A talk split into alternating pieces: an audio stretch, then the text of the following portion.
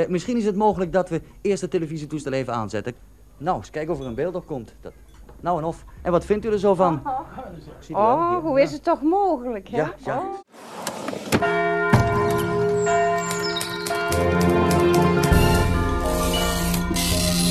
Je luistert naar het geheugen van Brabant. De podcast van het Brabants Historisch Informatiecentrum in Sertogenbos. Dwaal mee door onze archieven op zoek naar de mooiste verhalen van vroeger. Hier is je reisleider op onze speurtocht, Marilou Nillissen. Ha, Anton. Dag Marilou. Zeg Marilou, wat was dat voor een eh, geluidsfragment net? Nou, je hoort de stem van onder andere mevrouw Oma uit Vught. eh, als in 1959 voor de eerste keer de televisie in hun huiskamer wordt aangezet. Daar hoor je straks veel meer over. Even terug, want na ons avontuur met Wim Daniels en zijn voorganger Arlenius... zijn we terug met een nieuwe aflevering van onze vertrouwde podcast... die misschien toch net een tikje anders klinkt. We hopen jullie in ieder geval te verrassen. Ja, en natuurlijk zijn we daarvoor heel benieuwd naar jullie mening. En Marilou, aan het einde komen we natuurlijk terug op reacties die al zijn binnengekomen. Kan niet wachten, hè, Anton? Nee. Even heel iets anders. Eh, hoeveel televisies hebben jullie in huis? Eh, twee. Eh, eentje in de woonkamer en één op de kamer, slaapkamer van mijn dochter. Ah, kijk, dat is, nou, wij zitten ook op dat aantal. Onze jongens trouwens, pubers, ja, die kijken alleen op hun mobiel. Hè? Ja, die tv bij mijn dochter staat volgens mij ook nooit aan. Die zit ook altijd op de mobiel te Netflixen en wat het ook allemaal mogen zijn. Ja, zo doen ze dat, hè? Ja, De televisie is dan wel duidelijk aanwezig in huis, net zoals bij veel van de luisteraars van onze podcast, vermoed ik. Maar wist jij, Anton, dat onze televisie eigenlijk een Brabantse uitvinding is? Ja, en sterker nog, wist jij Marilou dat ook de eerste officiële televisiekijker in onze provincie woonde? Nou, in deze podcast onderzoeken we daarom hoezeer de navelstreng van de televisie verbonden is met Brabant. En niet alleen de geboorte van tv, maar ook hoe de verdere levensloop van de beeldbuis vele sporen in Brabant heeft nagelaten. Brabantse televisiegeschiedenis dus. Ja, en natuurlijk hoort daar een goede gids bij. En die hebben we gevonden hoor. Bjorn Bouwens. Ach, van de podcast Daar bleef je voor thuis. Nou, dat lijkt me de perfecte gids. Mij ook. En los daarvan hebben we natuurlijk weer een aflevering uit onze serie over Marietje Kessels. Waarin dit keer, hè, je had het daar vorige keer, nou, voor, voor vorige keer, Ja, ja. ons al heel erg warm gemaakt van er kwam namelijk een brief uit het Vaticaan. En we zijn heel benieuwd wat daar dan precies in stond. Hoor je daar meer over. En we sluiten af, Anton, met jouw column. Hè? Maar nu eerst op zoek naar de afstandsbediening en naar Bjorn Bouwens. Tada! Bjorn Bouwens, geboren in Roosendaal, is 40 jaar, manager onderwijs en onderzoek aan de Hogeschool in Holland. Bjorn is mediadeskundige en podcastmaker van Daar bleef je voor thuis, waarin hij samen met Ron Vergouwen televisieprogramma's van vroeger en nu bespreekt. En de eerste vraag is onvermijdelijk. Wat heb jij met tv? Ja, ik vond dat vroeger al magisch. hè. Dus als klein kind vond ik het zo bijzonder dat zo'n klein kastje letterlijk een soort van venster was op je wereld. Dus eh, ik was altijd gefascineerd. Ik had ook echt de droom om cameraman te worden toen ik een klein kind was. Heb ik echt niks mee gedaan. Achteraf wel jammer. Ik ben nooit verder gekomen dan het filmen van de bruiloft van een aantal vrienden van, van mij. Maar altijd die fascinatie gehad. En het was toen al zo dat ik met Ron, met wie ik dus nu de podcast maak, wij gingen al regelmatig naar Alsmeer. We woonden ook echt in Brabant met z'n tweeën. Maar dan gingen we echt als uitje gingen naar de grote studio's van Van de Ende. En gingen we echt alle opnames bijwonen van programma's van Henny Huisman, van Ron Om ook gewoon ja, die magie echt te beleven in het echt. Dus het zat er eigenlijk altijd al in en het is nooit meer uitgegaan. Waarvoor Bjorn de televisie een vanzelfsprekend onderdeel van zijn jeugd vormt, is dat halverwege de vorige eeuw lang niet het geval. We beginnen bij begin. Daarvoor reizen we af naar Eindhoven. Want daar worden, onder de naam Philips Experimentele Televisie, de eerste stappen op het gebied van tv gezet. Met zo'n 40 toestellen in en om Eindhoven. Weet jij daar ook iets meer van? Nou, voor mij heeft dat... Het was voor mij niet eh, in Brabant gefilmd, maar we hebben wel heel veel Brabanders aan meegewerkt, toch? Klopt, en ook vooral Brabanters gekeken. Want dat waren de enigen die eh, beschikten over een televisie. En dat heeft natuurlijk alles eigenlijk te maken met de historie ook van Brabant. En natuurlijk een heel beroemd bedrijf wat hier zijn eh, wortels heeft. En dat is Philips. Ja, Vroeger zeiden ze op tv altijd de bekende gloeilampenfabriek uit het zuiden van Nederland. Ja, mooi hè? Ik, Ja. vind het wel mooi klinken. Ja. Maar niet voor niks, hè, omdat natuurlijk de gloeilamp ook de basis vormt van dat apparaat. Ik bedoel, Ja. uiteindelijk is een televisie, en dat kun je niet meer voorstellen met al die platte dingen die aan, ons, aan onze muur hangen. Maar uiteindelijk was het natuurlijk ook gewoon niks meer dan een slimme lamp die natuurlijk een bepaalde projectie kon veroorzaken. Waardoor we in één keer toegang hadden tot werelden die tot daarvoor voor ons verborgen waren gebleven. Ja, inderdaad. Ja. Je zult Bjorn tijdens de rest van de aflevering nog wel vaker horen, maar nu eerst maken we een uitstapje. En wel naar de allereerste tv-kijker die, je zult er niet gek van opkijken, uit Eindhoven komt. Gaan wij in de tussentijd eens met de heren praten. Want eh, meneer Monnikendam, eh, u bent de eerste televisiekijker. Hoe kan dat nou zo? Hoe is dat nou gegaan? Ja, meneer Van Bommel, dat zit eigenlijk zo. Eh, 18 maart 1948, toen ging de eerste experimentele televisieuitzending de lucht in. En toen heeft hij mij gevraagd om, eh, ze zei, ach jij bent een showman. En eh, neem jij nou eens een toestelletje in huis Ja. en zeg ons dan hoe zijn die programma's nou eigenlijk geweest. Heel Eindhoven dit wist natuurlijk dat er bij mij een televisieuitzending plaatsvond. En alles stond in mijn straat om binnen te dringen. En voor de ramen zorgt hier nou vanavond ook even de 500.000ste. Dus dit is, dames en heren, eh, televisiekijker nummer 1, de heer Monnikendam.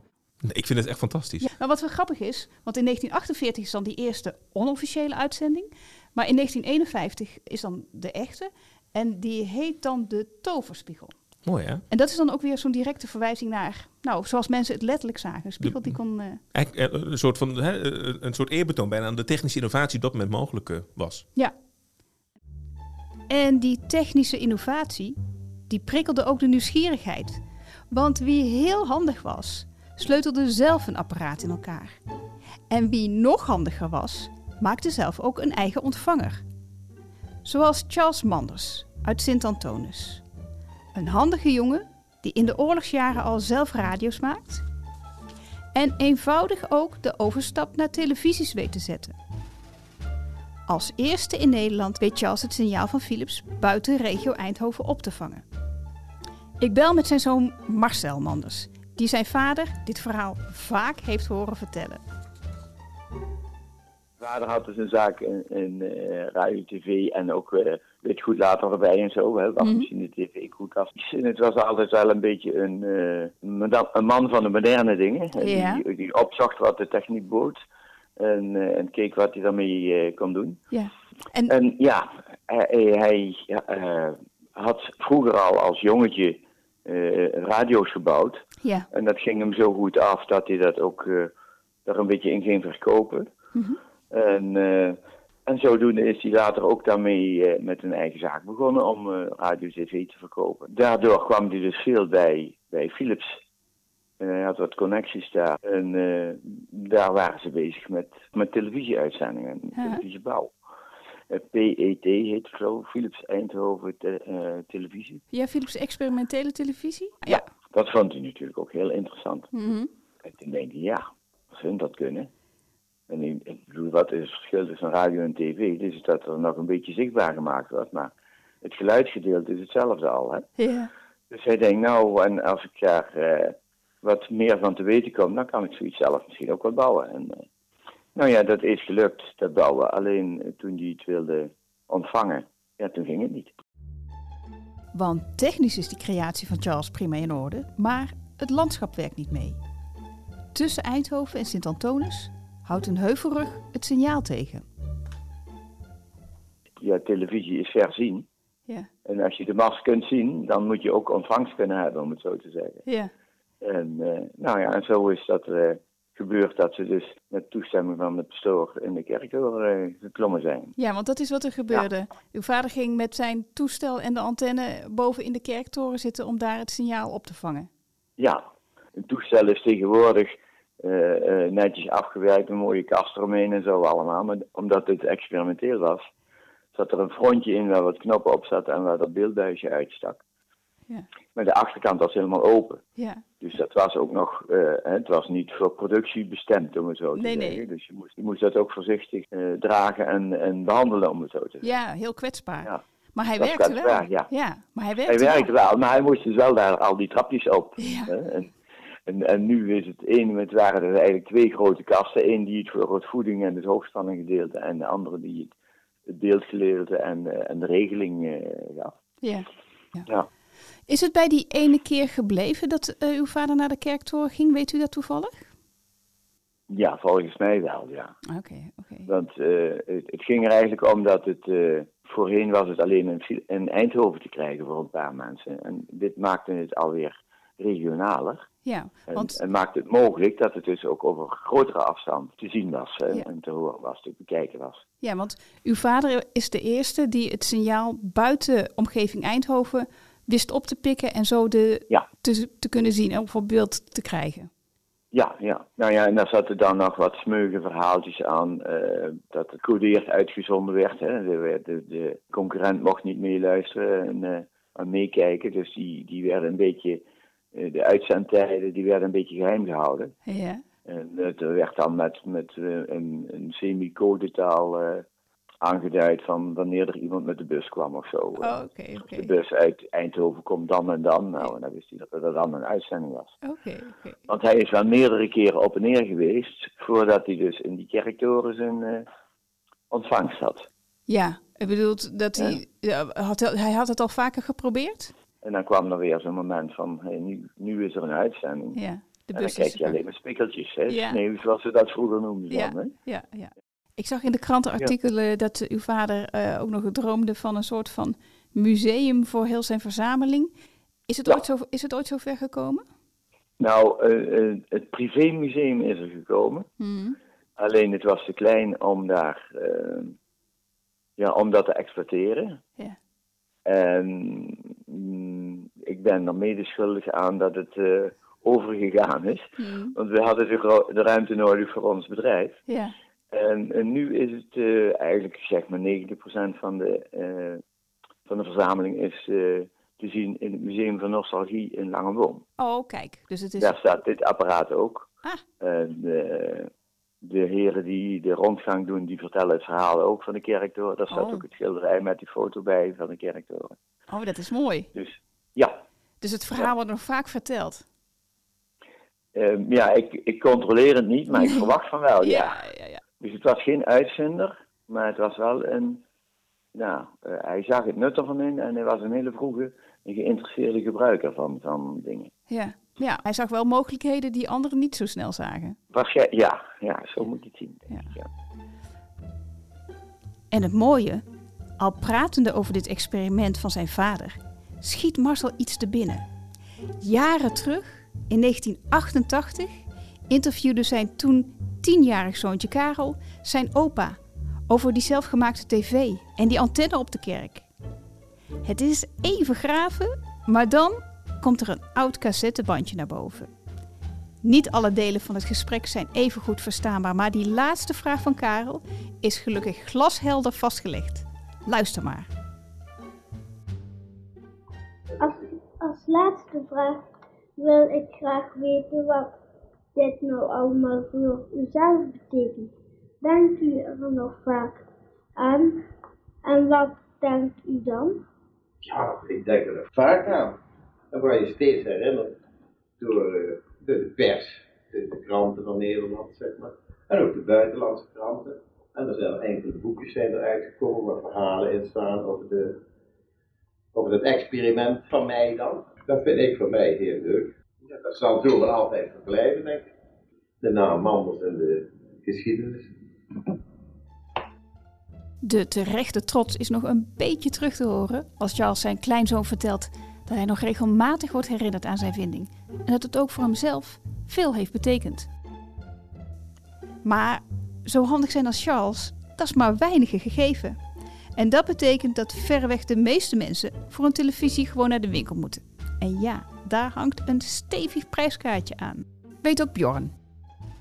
Want het was echt een luxe product in die tijd. Hè. Er konden weinig mensen konden zich eigenlijk nog zo'n toestel hè, veroorloven. Dus het was eh, echt even iemand kennen of een plek weten waar je dan mee kon kijken. Ja, de, de advertenties hebben het over bijvoorbeeld bijna duizend gulden. En dan heb je dus gewoon een zwart-wit tv. Dat voor die tijd, hè? Ja. Dat is een ongelooflijke investering.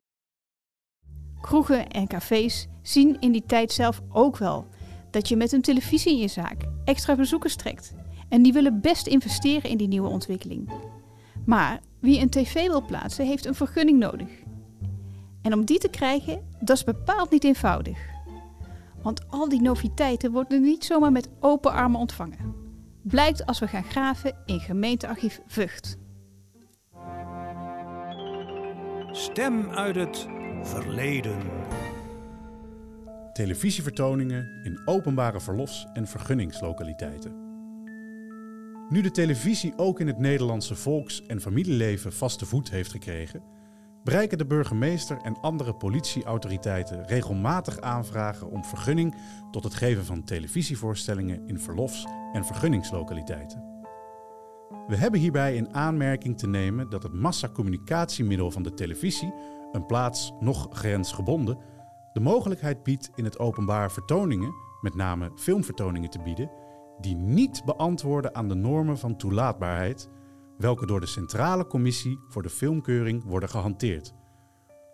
In de praktijk zijn dan ook reeds enige gevallen van buitenlandse televisieuitzendingen, shows, voorbijgekomen, welke naar Nederlandse normen van de bioscoopwet stellig de toelaatbaarheidsgrens ten opzichte van openbare orde en goede zeden overschreden. Bij herhaling heb ik binnen- en buitenland televisievoorstellingen in cafés en restaurants bijgewoond en steeds heeft mij getroffen in welke ernstige mate de eigen sfeer en het eigen karakter van de herberg daardoor wordt aangetast en ten gronde gericht. Geen gezellig geroezemoes, geen eigen gedachtenwisseling, geen bedrijvigheid, geen parade van mensen die willen zien en gezien worden, geen nijvere bedienden die met schotels of bladen consumpties ronddraven. Kortom, geen echte herbergcultuur zoals wij die vooral in het zuiden van ons land zo goed kennen, maar in het halfduister rondhangende, weinig of niets consumerende, in stilzwijgen gehulde brede rijen van lome mannen en vrouwen en geeuwende kinderen die bij het minste geluid of gesprek van derden zich gestoord voelen bij het aandachtig volgen van de vertoning, die door een op de tenen rondsluipende kelner of bediende diep voorovergebogen, fluisterend worden toegesproken en bediend. Er ligt uiteraard geen taak voor de overheid om maatregelen te nemen ten einde het eigen karakter, de eigen waarde en ontspanning van de herbergcultuur in stand te houden en te bevorderen. Ik mag slechts hopen dat vele herbergiers, hotel- en restauranthouders zich niet zullen laten verleiden deze televisieattractie in hun zaak in te voeren. En er zich veel eer op zullen toeleggen de klassieke middelen en gewoonten die aan het herbergleven zijn charme, zijn lichamelijke en psychische lafenis verlenen. Juist in onze dagen van passiviteit en lusteloosheid. April 1956, R. Guljans.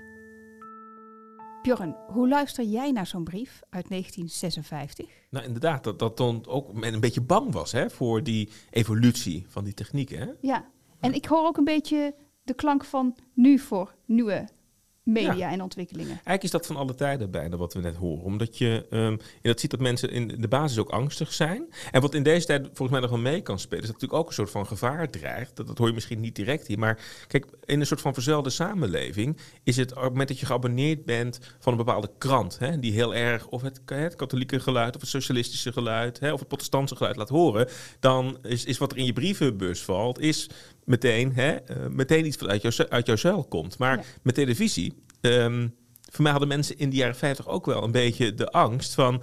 Ja, het is heel erg leuk dat de NCV misschien vanavond uitzendt... en dat ik dat dan wil gaan zien eh, ergens. Maar ga ik dan niet kijken als de KRO de andere dag uitzendt? Of Ja. voor dat de VPRO, de vrijzinnige omroep, in één keer iets laat zien. Is dat dan wel geschikt? Is dat wel goed? Of leidt het inderdaad af van het gesprek in de eigen zuil, in de eigen community... waarin je met elkaar misschien toch ook wel de gedachten en de ideeën die in die groep leven... nog eens een keer tegen elkaar napraat? Ja. Waar de zuilen normaal gesproken in de jaren 50 strikt gescheiden bleven, wordt dat in 1959 in Vught even totaal doorbroken. En dat is wanneer Brabant een nieuwe mijlpaal binnen de televisiewereld bereikt, namelijk de half miljoenste aansluiting. Want de 68-jarige Bart Ome, gepensioneerd opzichter van de godshuizen in Den Bosch, is de gelukkige en daarmee het stralend middelpunt van veel festiviteiten. Goedenavond, dames en heren. Dit is een heugelijke uitzending van de Nederlandse Televisiestichting. Want we hopen in de loop van dit programma de 500.000ste televisiekijker aan u voor te stellen. Er wordt een speciale televisieuitzending aangeweid. En er komt hoog bezoek. Vier televisieomroepsters van vier omroepen. Nog meer, een heel charmant bezoek voor meneer Omen komt daar aan in de vorm van een mailcoach waarin zitten de vier omroepsters, namelijk Vertie Dixon van de VPRO, Tanja Koen van de NCRV, Karin Kraaikamp van de VARA en Hanny Lips van de KRO. Ageet Scherphuis van de AVRO is tot haar spijt verhinderd, maar om heel begrijpelijke redenen overigens, want ze is met vakantie kun je ook niet meer voorstellen. Maar dat hebben we echt tot ver in de jaren negentig nog wel gehad. Maar dat je ook omroepsters had, behoorden bij een bepaalde omroep, die dan gingen vertellen van welkom bij de avond uh, hè, van de NCRV. We hebben vanavond weer een spannende programmering voor u in, in petto. Ja, die dat keurig en zeer goed articulerend, kunnen wij niet meer nadoen, maar die het echt ons uh, een beetje gidste door wat er uh, kwam. En wat wel opmerkelijk was volgens mij, is dat dan in het echte Vught kwamen er dan wel omroepsters van verschillende omroepverenigingen. Kwamen allemaal Vught binnen, toch? Ja, Klopt, klopt. Dus we, je had uh, ja, Tante Hanny, dat is dan de bekendste naam, hè, omdat Ja. ze je als zo zwaaide naar de kinderen. En dat was Klopt. En die heeft voor mij Jos Brink tot in de lengte van dagen heeft hij altijd nog Tante Hanny gedag gezegd. Dus Vandaar. daar door Jos Brink is Tante Hanny eigenlijk nog mythischer dan dat Tante Ha- Hanny eigenlijk al was. Dat, dat heeft Jos Brink nog gedaan. Ik vroeg me al af, hoe kan ik Tante Hanny kennen? Van Jos Brink. Van Jos Brink, ja. Hoogste tijd om onze beeldredacteur Mathilde te spreken. Zij vond het fragment over de televisieaansluiting in Vught, maar tipte ons ook over Charles Manders met zijn zelfgebouwde apparatuur. Ja, een prachtig verhaal eh, is dat. hè. Ik, ik vind het ook wel heel erg leuk eh, dat jij daar nu iets verder in, eh, ingedoken bent. Want het is toen zo gegaan. Ik ben bij die meneer Manders thuis geweest, dus bij, bij de zoon, bij Marcel Manders. Omdat zijn vader niet alleen die tv-ontvanger had gemaakt, maar die filmde ook zelf. Dus ze hadden hele oude films van zijn vader thuis liggen. En daarom was ik daar. En dit verhaal over die eh, tv-ontvanger in een kerktoren, dat is me altijd bijgebleven. Dus eh, heel leuk. Ik, ik snap wel waarom. En Mathilde, via het archief van de NTS, Beeld en Geluid, vond jij ook het fragment over de aansluiting in Vught, hè? Jazeker, ja. We, we hebben er al enkele fragmenten uit gehoord, uit dat, eh, uit dat stukje film. Eh, die verbazing van mevrouw Omer, omdat de tv-uitzending eh, vanuit haar eigen woonkamer komt. Eh, en ze dus zichzelf en, en haar eigen bankje en tafeltje en zo op tv eh, ziet. Ja. En ook dat interview eh, met meneer Monnikendam, Mhm. de eerste tv-kijker, dat komt eruit. Maar wat ik zelf ook wel heel bijzonder vind in dit eh, televisiefragment, is de cadeaus die, eh, die het echtpaar krijgt. Namens de Nederlandse Televisiestichting mag, mag ik u in deze bloemenmand een televisiekaart aanbieden. En ik zal u vertellen wat dat voor u betekent. Het eerstkomende jaar neemt de Televisiestichting uw kijkgeld op haar rekening. En wenst u een heel goed kijkjaar. Wat ik me eigenlijk nooit zo heb gerealiseerd en me eigenlijk ook nooit heb afgevraagd, is hoe ze eigenlijk weten dat deze mensen de 500.000ste tv-aansluiting hadden. En dat kwam dus door dat kijkgeld. Ah, je, ja. had, je had vroeger het eh, kijk- en luistergeld, Ja. eh, wat betaald moest worden. En je moest dus als je zo'n tv-toestel kocht, dan moest je daarvan aangifte doen dat je die had. En dus stond je geregistreerd? Stond je geregistreerd. En kennelijk waren er eh, voor eh, meneer Ome al eh, 499.999 mensen die dat hadden gedaan. Ja. En dat kijkgeld, luistergeld bestond al sinds de jaren 20 voor de radio. Maar het kijkgeld, dat bestond eigenlijk pas heel kort toen in 1959. Want in de tijd van de experimentele televisie, toen was dat er nog niet. En pas in 1956, als ik me niet vergis, is het eh, ingevoerd. Oké, en over, over wat voor bedrag hebben we dan, weet je dat? Nou, ik las in de krant dat het, eh, wat ook over dit, eh, deze aansluiting gaat, dus dat zal in hetzelfde jaar zijn geweest, dat het toen 30 gulden was. Behoorlijk bedrag, hè? Best een behoorlijk bedrag. En ik kan me dan ook bijna niet voorstellen dat er niet heel veel mensen waren die gewoon zwart keken. Ja. Dus wie weet eh, waren er al veel meer televisiekijkers dan die 500.000 die zou- hier genoemd worden. Klopt, dat zou wel best eens een heel ander beeld kunnen geven. Ja, mag ik er nog een paar van Ja, die cadeaus ja, eh, uitlichten? loop er maar doorheen. Want eh, Tanja Koen, die Mhm. heeft een hele grote eh, bak met koffie. Eh, en zij vertelt daarbij dat het is voor al die mensen die nu tv zullen gaan komen kijken bij de familie Omen. Ja. Ehm, want eh één op de zes heeft nu een tv, zegt zij. Maar dat betekent dat vijf op de zes dat nog niet hebben. En heel Dus- Vught weet nu... Heel Vught weet nu dat eh, hier in de Taalstraat een eh, televisietoestel staat. Dus Ja. die zullen ongetwijfeld eh, komen kijken en dan ook een kopje koffie lusten. Ja. En meneer Omer die krijgt ook nog een hele grote doos met sigaren, Mhm. waarvan hij daar ook eentje opsteekt. Het fragment geeft een heel mooi tijdsbeeld. Hè? De, vooral meneer Ome wordt geïnterviewd, met hem wordt gesproken. Mevrouw Oma mag af en toe nog iets zeggen. Maar het gaat vooral over meneer Oma als de aansluiting nummer half miljoen. Ja, en zel- zelfs bijvoorbeeld de dochter, die wordt ook een keer eh, half aangesproken, maar antwoord geven, dat eh, zit er niet in. Dan wordt toch de camera en de microfoon eh, naar de zoon, op de zoon gericht. En ook eh, bij die cadeaus, het grootste cadeau wat ze, wat ze krijgen is een, eh, is een reischeck om een eh, reis te maken naar een van de Eurovisielanden. En daarbij eh, wordt ook gevraagd van aan wie zal ik het geven, aan meneer of aan mevrouw. En meneer Ome die zegt nog, nou, je kan het gewoon aan mevrouw geven.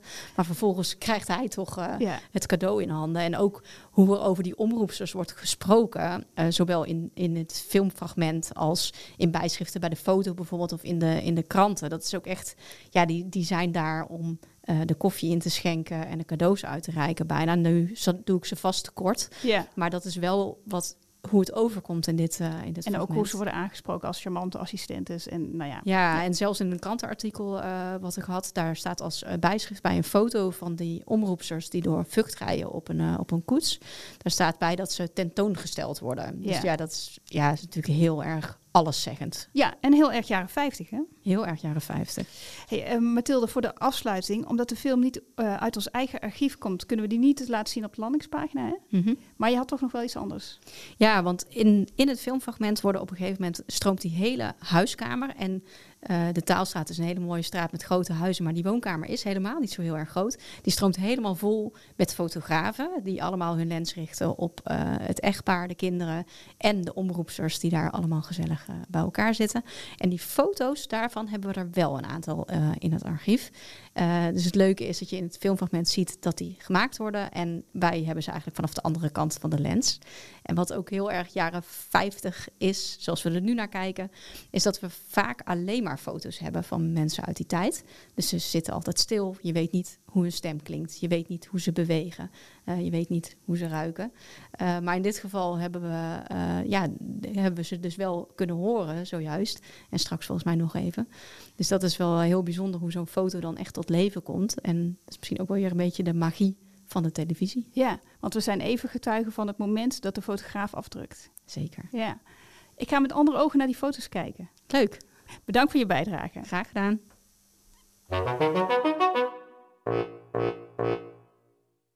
Als je ziet wat voor een gekte dat geeft, Bjorn, is die impact van eh, tv eh, toen en nu nog op enig moment te vergelijken?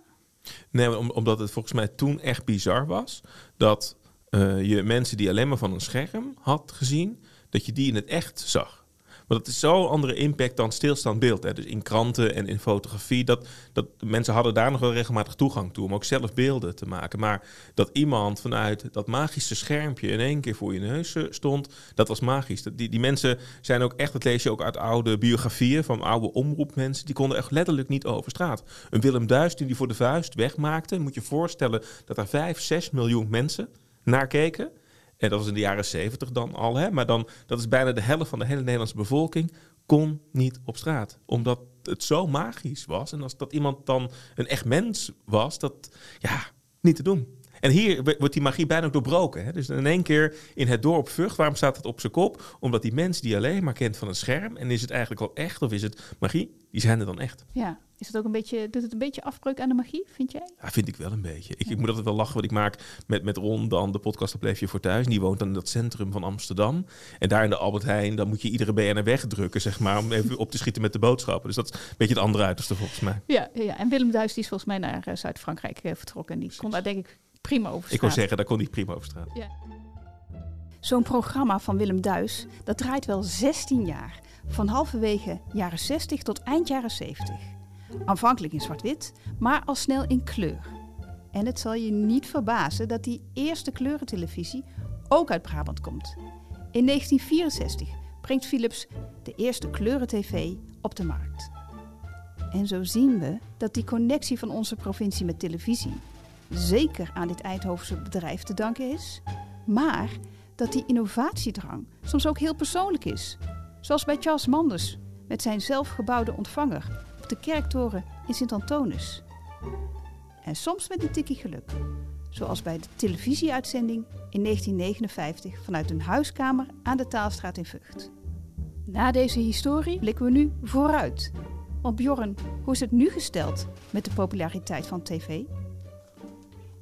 Voor mij moet je daar genuanceerd naar kijken. Aan de ene kant geloof ik inderdaad nooit dat we over tien jaar nog het televisielandschap hebben zoals we dat nu hebben. Want daarvoor zijn er te veel, ook kleine, vooral commerciële zenders, die inderdaad heel weinig kijkers meer, eh, meer trekken. Voor de grote gebeurtenissen, als het gaat om nieuws, als het gaat om sport, dan, dan blijven er gewoon momenten dat we allemaal voor de tv willen gaan zitten omdat er iets in het nieuws gebeurt wat we niet kunnen bevatten, omdat er een bepaalde wedstrijd wordt gespeeld met een Nederlands elftal die we allemaal willen zien. Dus televisie zal altijd dat verbindende element blijven vormen op het moment dat er echt iets aan de hand is. Maar daaromheen zul je zien dat we steeds meer gefragmenteerd zullen gaan kijken. Dat er een aantal zenders over zullen blijven die nog een algemeen publiek zullen bedienen. NPO 1, RTL 4, waarschijnlijk SBS 6. Als zie je daar de afgelopen jaren dat de kijktijd daar echt ook in terugneemt. Maar daarnaast maakt dat voor mij plaats voor streamingdiensten, voor social media, voor andere platforms en kanalen waar wij onze media gaan consumeren. Um, en het mooie is, Videoland is gewoon van RTL. Uh, eh, heeft een ontzettend groot bereik. Uh, maar worden andere producten gemaakt omdat jij misschien minder zin in hebt om 13 weken lang iedere week voor een bepaalde aflevering in te tunen. Maar je misschien wel bereid bent om wat geld in te leggen en in één keer 13 afleveringen van een favoriete nieuwe serie achter elkaar te gaan kijken. Dus het kijkgedrag en het mediagebruik verandert heel erg snel. Maar er zal altijd een plek, al is het een kleinere plek, blijven bestaan voor een scherm in ons huishouden waarin we ons nog steeds met elkaar omheen kunnen verzamelen. Dus als ik het samenvat, dan zal de televisie de komende tijd steeds verder afstaan van het product zoals dat ooit op de markt is gezet. Zeker. Maar uh, als het meegaat in alle ontwikkelingen en uh, uh, zich verder evolueert, dan is het in jouw ogen ondenkbaar dat het ooit verdwijnt? Ja, ik hou me aan die gedachte vast. Ja, dat is wel een troostrijke gedachte. Dankjewel. Graag gedaan. Van een Eindhovense vinding van een paar knappe koppen tot een medium dat zich binnen alle stormen staande moet zien te houden. De ontwikkelingen binnen de televisiewereld volgen elkaar razendsnel op. Waar we het nu nog helemaal niet over hebben gehad, is dat Brabant ook op lokaal en regionaal niveau menigmaal pionierswerk weet te verrichten. En dat levert weer zoveel interessants op dat we daar een andere keer zeker uitgebreid op terugkomen. Maar eerst zeppen we over twee weken door Brabant als decor. Van de nostalgische beelden van Marijntje Gijssen tot het meer hedendaagse Dr. Tinus. Want ja, dat werd opgenomen in... Het plaatje waarin het zich afspeelt heet Woerkum. Maar waar is het helemaal gesitueerd en opgenomen? In Woudrichem. Aha. Dus eigenlijk is Dr. Tinus Brabantser kun je het niet uh, krijgen. Tot zover het verhaal hoe Brabant aan de basis stond van de televisie. De brief werd voorgelezen door Noah Olderink en kwam uit het archief van gemeentebestuur Vught. Correspondentie in zaken het vertonen van televisiebeelden in het openbaar. Het tv-fragment uit Vught verkregen we via de NTS, beeld en geluid. En wil je nou meer achtergrond over onze gebruikte archiefstukken? Kijk dan op big.nl/slash podcast. Maar geen geheugen van Brabant zonder een nieuwe aflevering van Marietje Kessels, afgesloten door Blik uit het Pik. Old Case, Cold Case. Het is woensdag 22 augustus 1900 als Marietje Kessels een brief gaat posten, vlakbij haar huis in Tilburg. Twee dagen later wordt het elfjarig meisje gevonden in de nabijgelegen kerk, verkracht en vermoord. Ondanks verschillende verdachten en een lang strafproces wordt er nooit een dader veroordeeld. Samen met mijn collega Christian duik ik in de archieven op zoek naar de feiten. Die vormen onze leidraad. In de vorige aflevering heb je gehoord hoe journalisten bovenop de zaak springen en daar, ieder vanuit hun eigen oogpunt, verslag van doen. Want uit de verslaggeving is duidelijk op te maken of de signatuur van de krant katholiek is of niet. De kerkelijke invloed reikt ver, in de journalistiek net als in de samenleving. Is daar in de zaak Marietje Kessels reden toe? Dit keer houden we daarom onze loop gericht op pastoor Georges van Zinik Bergman. Heeft de pastoor het gedaan? En wat staat er over hem in de brief die we kregen van het Vaticaanarchief? En Chris, het klinkt misschien een beetje gek, maar ik vind dit dus echt een van de lastigste personen om daarbij objectief een verhaal te vertellen. En ik weet het, hè, we zijn op zoek naar de feiten als leidraad, maar we zijn die pastoor nu al meerdere keren tegengekomen in andere archiefstukken. En het is altijd op een, ja, op zijn minst discutabel punt. Ja, ja, jij bedoelt natuurlijk dat je bijna niet meer kunt geloven dat hij niet de dader was. Hè, net een beetje zoals ze rond 1900 nauwelijks zich konden voorstellen dat hij er wel bij Nou, betrokken was. precies dat. En, en ik ben niet alleen. Hè. En een tijdje terug was ik de gast in het radioprogramma Dijkstra en Even Blij ter plekke. Om meer te vertellen over de zaak van Marietje Kessels.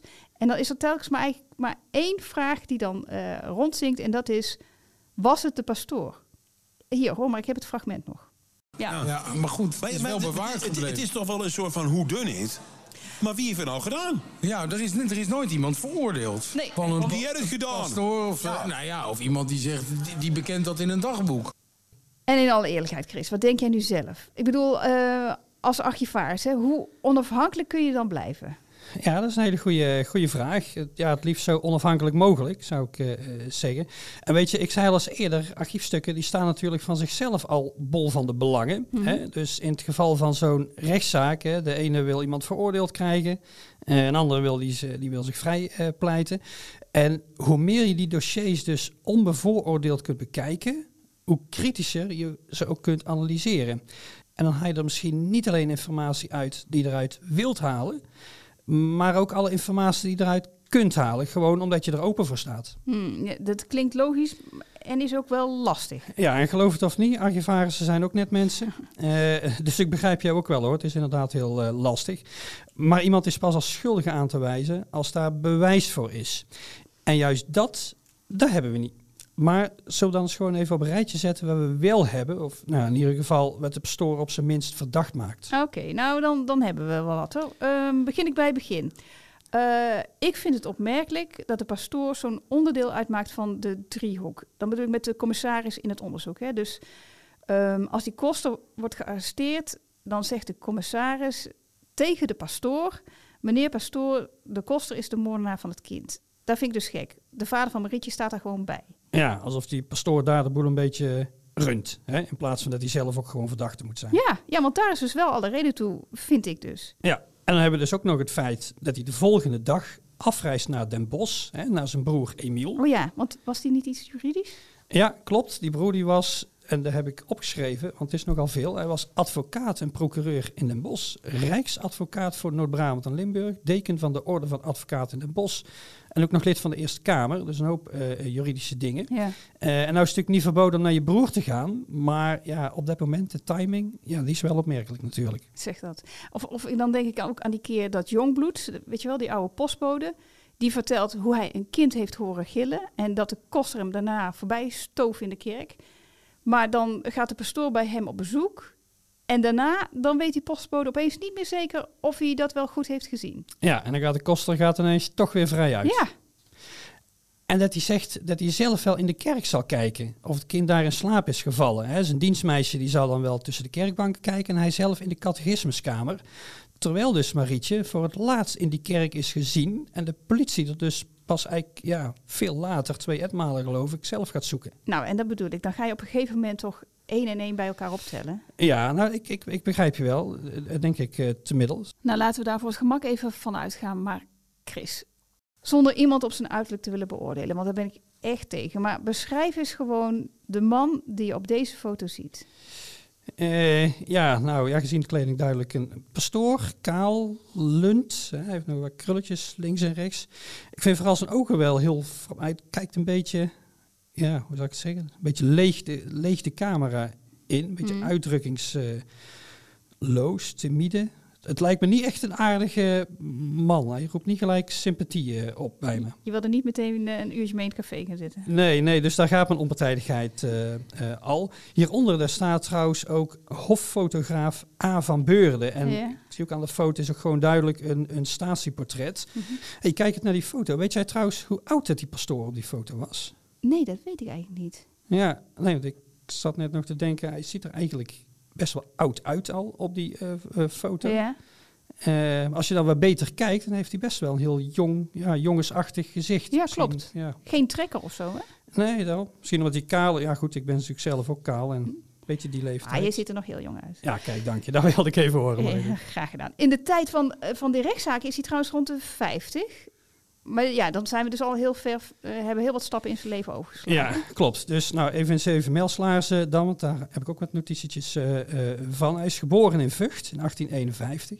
Heeft daar gymnasium gedaan, heeft seminaries doorlopen in Sint-Michielsgestel en in Haren, allemaal bekende plaatsen hier. Mhm. En daarna is hij gepromoveerd in Rome in de godsgeleerdheid. Tien jaar heeft hij daarna als kapelaan bij de Katharinekerk in Eindhoven gewerkt. En dan komt hij naar Tilburg om daar als bouwpastoor de Noordhoekse kerk te bouwen. Oh ja, want vanuit Eindhoven neemt hij ook Van Isterdaal mee, hè? Want die was toen nog timmerman. Maar Van Zinek Bergman vraagt hem eh koster te worden in Tilburg. Klopt. En dus de kerk, hè, de kerk waar Marietje is gevonden, dat is dan ook wel heel erg echt zijn kerk. Oh, absoluut. Want hij legt ook zelf de eerste steen. Hè? Dus het is echt, ja, echt het levenswerk van onze pastoor. Je hebt ook telkens het gevoel dat de oplossing van de moord op Marietje door of via de pastoor te achterhalen moet zijn. Ik bedoel, er gebeurt echt niks in die kerk dat hij niet weet. Hè? Hij kent alle hoeken en gaten. Ja. Maar hey, nou even echt eh Marilou, want dit is natuurlijk allemaal eh, reuze spannend voor iedereen. Maar de vorige keer, toen sloot jij af met de mededeling dat jij mail had gekregen van het Vaticaanarchief. Maar Ja. daar heb ik jou nog helemaal niet over gehoord deze nee, uitzending. en ik zie jou al heel de opname loeren naar die grote envelop hier. Precies. Ga je nog iets eh opzienbarends delen met mij en eh, de rest van de wereld? Nou, eerlijk gezegd, ik vind post vanuit het Vaticaan al best opzienbaar. Ik krijg het echt niet iedere dag. Maar eerst even hoe ik in dat archief kwam. Want gelukkig denken best veel mensen mee eh, met ons onderzoek. Waaronder ook Erik Hennekam. En bij die naam, Chris, zeg jij... Ja, ja, Erik, ja, die ken ik wel natuurlijk. Dat is een echte archiefdetective. Eh, hè, als ik een persoon zoek in een archief, dan heeft hij hem al gevonden, zeg maar. Precies. En Erik Hennekam gaf me de tip om eens te zoeken in het archief van het Vaticaan. En die hebben gewoon een overzichtelijke website. eh duurde ook niet lang. En dan vind je gewoon die naam van Van Zinek Bergman in een van de inventarissen. Mailtje gestuurd, rekening betaald en hop, post uit Italië. Nou, je maakt het allemaal weer heel erg spannend. En tegelijkertijd denk ik, als het nou echt baanbrekend was geweest, dan had je nooit zo lang je mond kunnen Ah, houden. kijk nou maar eerst eens wat ik heb. Oké. Hier, hier is de envelop. Mag je hem openmaken? Ja, hij is al geopend, zie ik, dus de censuur is er al overheen geweest. Ja, wat dacht jij? Dat ik hem dicht zou laten. Maar zeg maar eens wat je ziet. Nou, ik zie in ieder geval meer tekst dan ik had eh, verwacht. En iets van een zegeltje eh, erbij. En het is Mhm. in het... Nou, ik zie al heel snel eh, dat het in het Italiaans is. En Ja. daar, daar houdt mijn, mijn kennis buiten ciao wel snel op. maar hier ook nog veel pagina's met tekst Ja. achter. Nou weet je, mijn Italiaans is ook niet altijd best, maar je kunt hier kun je zien waarover het gaat. Ja. Camerieri Segretti di Spada e Kappa. Secretti, dat is iets geheims. Nou, wat dat precies is, leg ik zo uit. Want kijk, Ja. achter die Italiaanse brief, ik wil natuurlijk naar die Franstalige brieven toe. Ja. Oké. En je ziet hier aan, eh, aan de aanhef dat het een soort aanbevelingsbrief is hè, van een zekere Baptiste Chantard. Hij wil de aandacht vestigen op wat Monsieur le docteur Georges Zinek van Bergman. Ja, oh, zie ik Van Bergman. ja, die naam gaat, gaat consequent mis, maar dat is natuurlijk ook een lastige naam. Ja. Maar luister, ga ik in mijn beste Frans. Deze docteur a montré le plus grand zèle et un dévouement à toute épreuve pour atténuer, dans la mesure du possible, le scandale et le dommage qui pouvaient en résulter autant pour la cause catholique que pour l'abbaye de Tilburg elle-même. Dit gaat echt veel beter naar twee glaasjes wijn, maar nou te vroeg voor. Helaas. Ongetwijfeld. Maar goed, ik bof met een francofiel naast me, want ik hoor vooral schandaal en dommage. Maar wat, wat staat daar voor de rest omheen? Ja, bij dat schandaal ging mijn hartslag echt meteen naar 200. Maar ja, de mijne ook nou.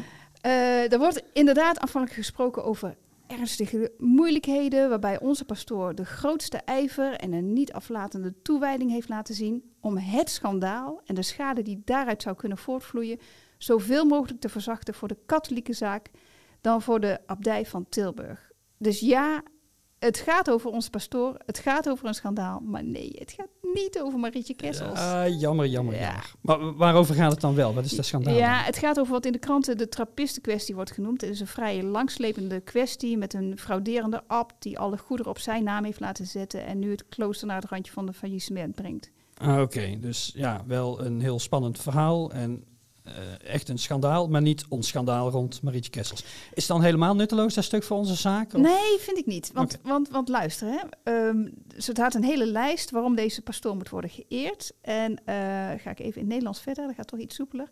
Eh, als reden wordt ook omschreven toen de anti-religieuze kranten dit pijnlijke feit wilden aangrijpen, antwoordde monsieur van Bergman hen krachtig via de pers, la voix de la presse, om hun laster te weerleggen en tot zwijgen te dwingen. Forcé Oké, silence. kijk, kijk, Ja. kijk. En de vorige keer hadden we natuurlijk precies eigenlijk daarover. Hè? Hoe dat Mhm. die journalistiek eigenlijk in de greep van de kerk eh, eh, was. En, en al wat die katholieke bladen schreven. Ja. En we hebben toen nog zelfs naar voorbeelden gezocht. Maar zo sterk als deze, ja, gaan we ze niet vinden, denk ik. Nee, dat denk ik ook niet. En, en het geeft ook wel aan, vind ik, dat die pastoor er alles aan doet om, om kwesties, ja, belangrijke kwesties van de kerk niet naar buiten te laten komen. Dat dat in dit geval, in ieder geval, zeer sterk zijn insteek is geweest. Ja, en dat moet dan haast ook wel in dat andere geval hè, van, Marietje Marietje, Kessels. Ja. echt wel gebeurd zijn ook. Dat Ja, kan bijna wel- niet anders. Ga je wel vanuit. En dan staat er nog, eh, door zijn lofwaardig optreden en door zijn belangeloze fijngevoeligheid heeft de heer Zinnik van Bergman daarom veel eer verdiend van de heilige kerk. En hoewel hij zeker alleen de eer van God, de eer van de katholieke zaak en het welzijn van de zielen al genoeg zou vinden, moet deze eminente priester, na zo'n pijn te hebben geleden, avoir été ainsi à la peine, ook op deze wijze geëerd worden. Toen maar. Maar na zo'n pijn te hebben geleden. Ja, dat is een bijzondere woordkeuze. Hè. We kunnen alleen maar gissen waar dat naar verwijst.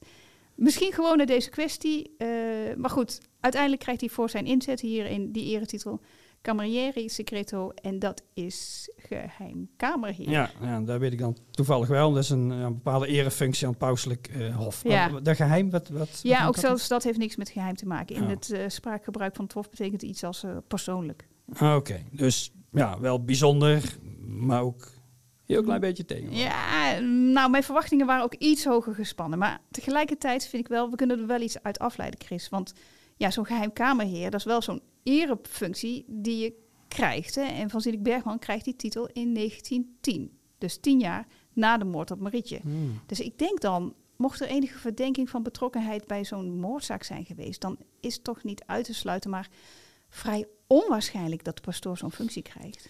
Ja, ja, of, nou ja, en dan val ik weer even uit mijn rol als onpartijdige archivaris.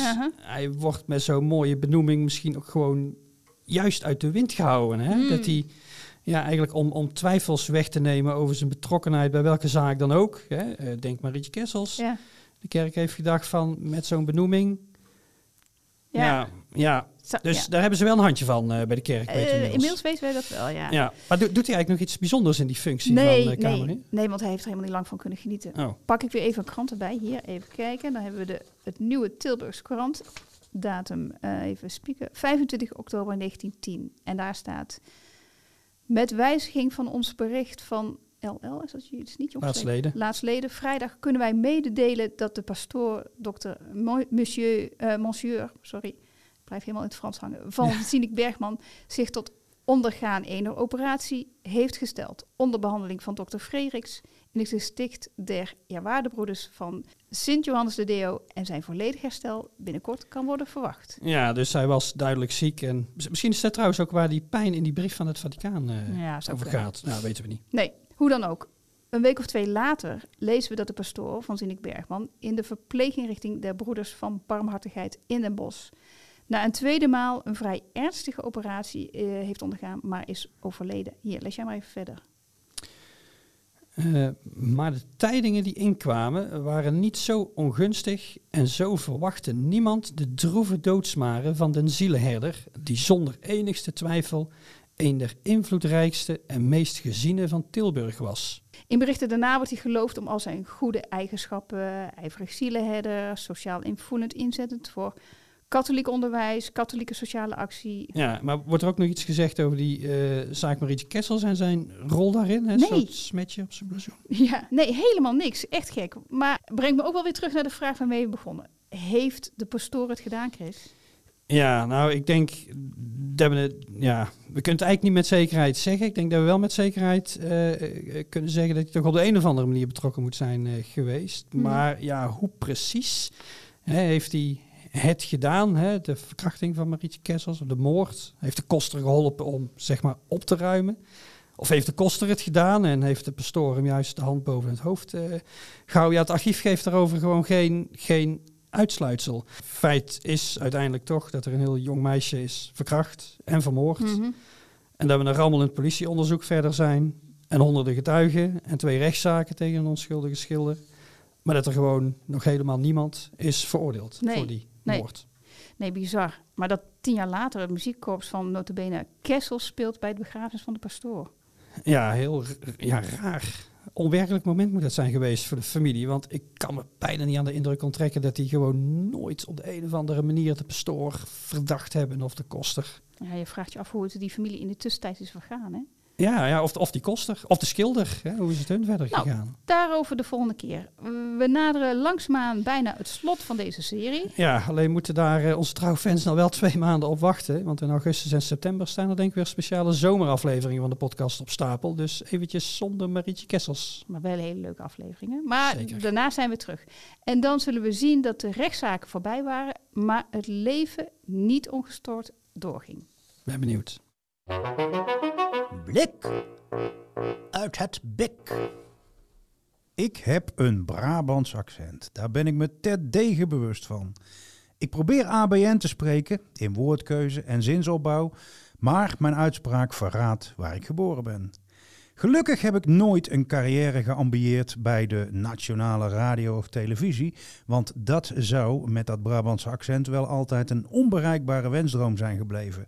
Nou ja, dat is misschien wat al te dramatisch gesteld. Met de hulp van logopedisten en articulatiecoaches zou er nog wel wat aan te doen zijn geweest. Met andere woorden, als je bereid bent om een deel van je eigen identiteit te verloochenen en een steriel kleurloos Nederlands te gaan spreken, ja dan, dan ben je van harte welkom. Maar ook dat is wel weer erg zwaar aangezet. Want het spreken van algemeen beschaafd Nederlands, of standaard Nederlands zoals het tegenwoordig wordt genoemd, is niet bedoeld om alle Nederlanders die geen perfect ABN spreken, en dat is een grote meerderheid van onze landgenoten, eens lekker te kijk te zetten. Nee, het doel is ervoor te zorgen dat de uitgesproken boodschap bij zoveel mogelijk mensen aankomt. Want al spreek je het niet, je bent er, als het goed is, op school wel in onderwezen. Het standaard Nederlands zou dus voor vrijwel alle Nederlanders verstaanbaar moeten zijn. Dat betekent ook dat als er op tv mensen aan het woord komen die geen ABN spreken, dat die zo gewenste algemene verstaanbaarheid alleen maar kan worden gegarandeerd door ondertiteling. En dat is niet zelden tegen het zere been. Ondertiteling van een dialect of accent wordt vaak als iets denigrerends gezien. Mijn streektaal wordt niet voor vol aangezien. Wij, Brabanders, Achterhoekers, Tukkers, Limburgers, vul maar in, worden weggezet als een stel achterlijke provincialen die te stom zijn om een zin uit te spreken zoals het hoort. En denk maar niet dat het in Vlaanderen anders is. Daar klagen de West-Vlamingen net zo hard dat zij standaard worden ondertiteld, terwijl dat met de Antwerpse tongval zelden of nooit wordt gedaan. Maar bekijk het ook eens van de andere kant. Vraag je als Brabander eens af of een Fries het commentaar van jouw Brabant sprekende buurman op tv wel kan volgen. Of dat jij zelf zonder ondertitels een Drent wel helemaal begrijpt. Kortom, ondertiteling op de nationale tv lijkt me prima. En natuurlijk kun je twisten in welke gevallen het wel of niet nodig is. Maar over het algemeen gaat het aardig goed. Al snap ik niet zo goed waarom de bende van Os steeds zonder ondertitels wordt uitgezonden. Gelukkig hebben we nog pagina 888 van Teletext. De pijn van ondertiteling van niet-ABN-sprekers zit hem vooral in het feit dat ABN wel erg Hollando-centrisch is, of in ieder geval lijkt, en dat roept veel vrevel op. De kloof tussen stad en platteland, centrum en periferie, randstad en de rest van het land, waar hebben we dat vaker gehoord de laatste tijd? Misschien is het volgende overigens een pleister op de wonden. Het standaard Nederlands is niet in beton gegoten, maar ontwikkelt zich vrijwel ongemerkt.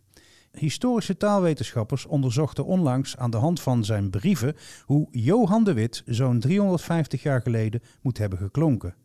Nou, ik kan wel zeggen dat dat nogal afwijkt van ons huidige standaard Nederlands, met sterke Vlaamse en Brabantse invloeden.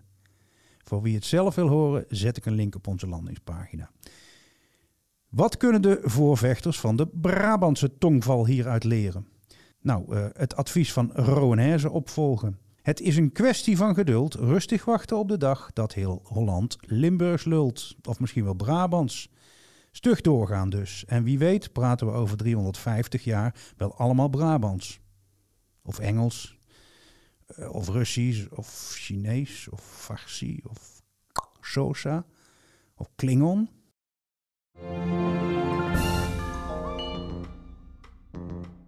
Zo, dat was hij weer, Anton. Maar we laten jullie natuurlijk niet gaan voordat we nog wat reacties op vorige afleveringen met jullie hebben gedeeld. Neem nu Martie, die het volgende laat weten. Deze podcast twee weken geleden ontdekt en gedeeld onder vrienden. De mix van de vaste onderdelen met een thema is erg prettig om naar te luisteren. De extra's op de website maken het nog leuker. Nou, dankjewel Marty. En leuk dat je een berichtje hebt achtergelaten op onze site big.nl slash podcast. Daar kun je niet alleen een reactie achterlaten, maar je vindt hier ook onze vorige afleveringen, meer informatie over de archiefstukken die we hebben gebruikt en de filmfragmenten die Mathilde bespreekt. En je kunt zelfs alle bijdragen over Marietje Kessels achter elkaar luisteren. Nou, en je kunt natuurlijk ook op allerlei andere manieren je mening geven. Mail ons op podcast.big.nl of schrijf eens een review in je favoriete podcast-app. Want daar kun je het geheugen van Brabant ook vinden. En zo kunnen ook anderen onze podcast ontdekken. Want dat je nooit te oud bent om iets nieuws te ontdekken, dat bewijst wel Dick Schermer. 86 jaar en die voor het eerst van zijn leven een podcast heeft beluisterd.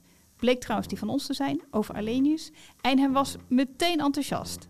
Jullie excursie en verhaal heeft me ontroerd. Meermalen heb ik met mijn ogen geknipperd om het zicht te herstellen. Cultuurhistorisch erfgoed van de bovenste plank. Ah, Dank je wel voor je complimenten, Dick. Daar doen we het voor. En vergeet niet over twee weken te luisteren naar de bonus bij deze aflevering, waarin Marilou en Bjorn wandelen door Brabant als tv-decor. Ja, klopt. We gaan onder andere naar de 1, 2, 3 show. Anton, weet je waar die werd opgenomen? De lieve kamp volgens mij, hè, in Os. Vanuit de Lievekamp in Os en uh, Vlieg hem erin. Ook een Brabants tintje. Dr. Tinus. Dr. Woudrichem, ja. Ja, Marijntje Gijzen. Dat en nog veel meer. Tot de volgende keer. Houdoe.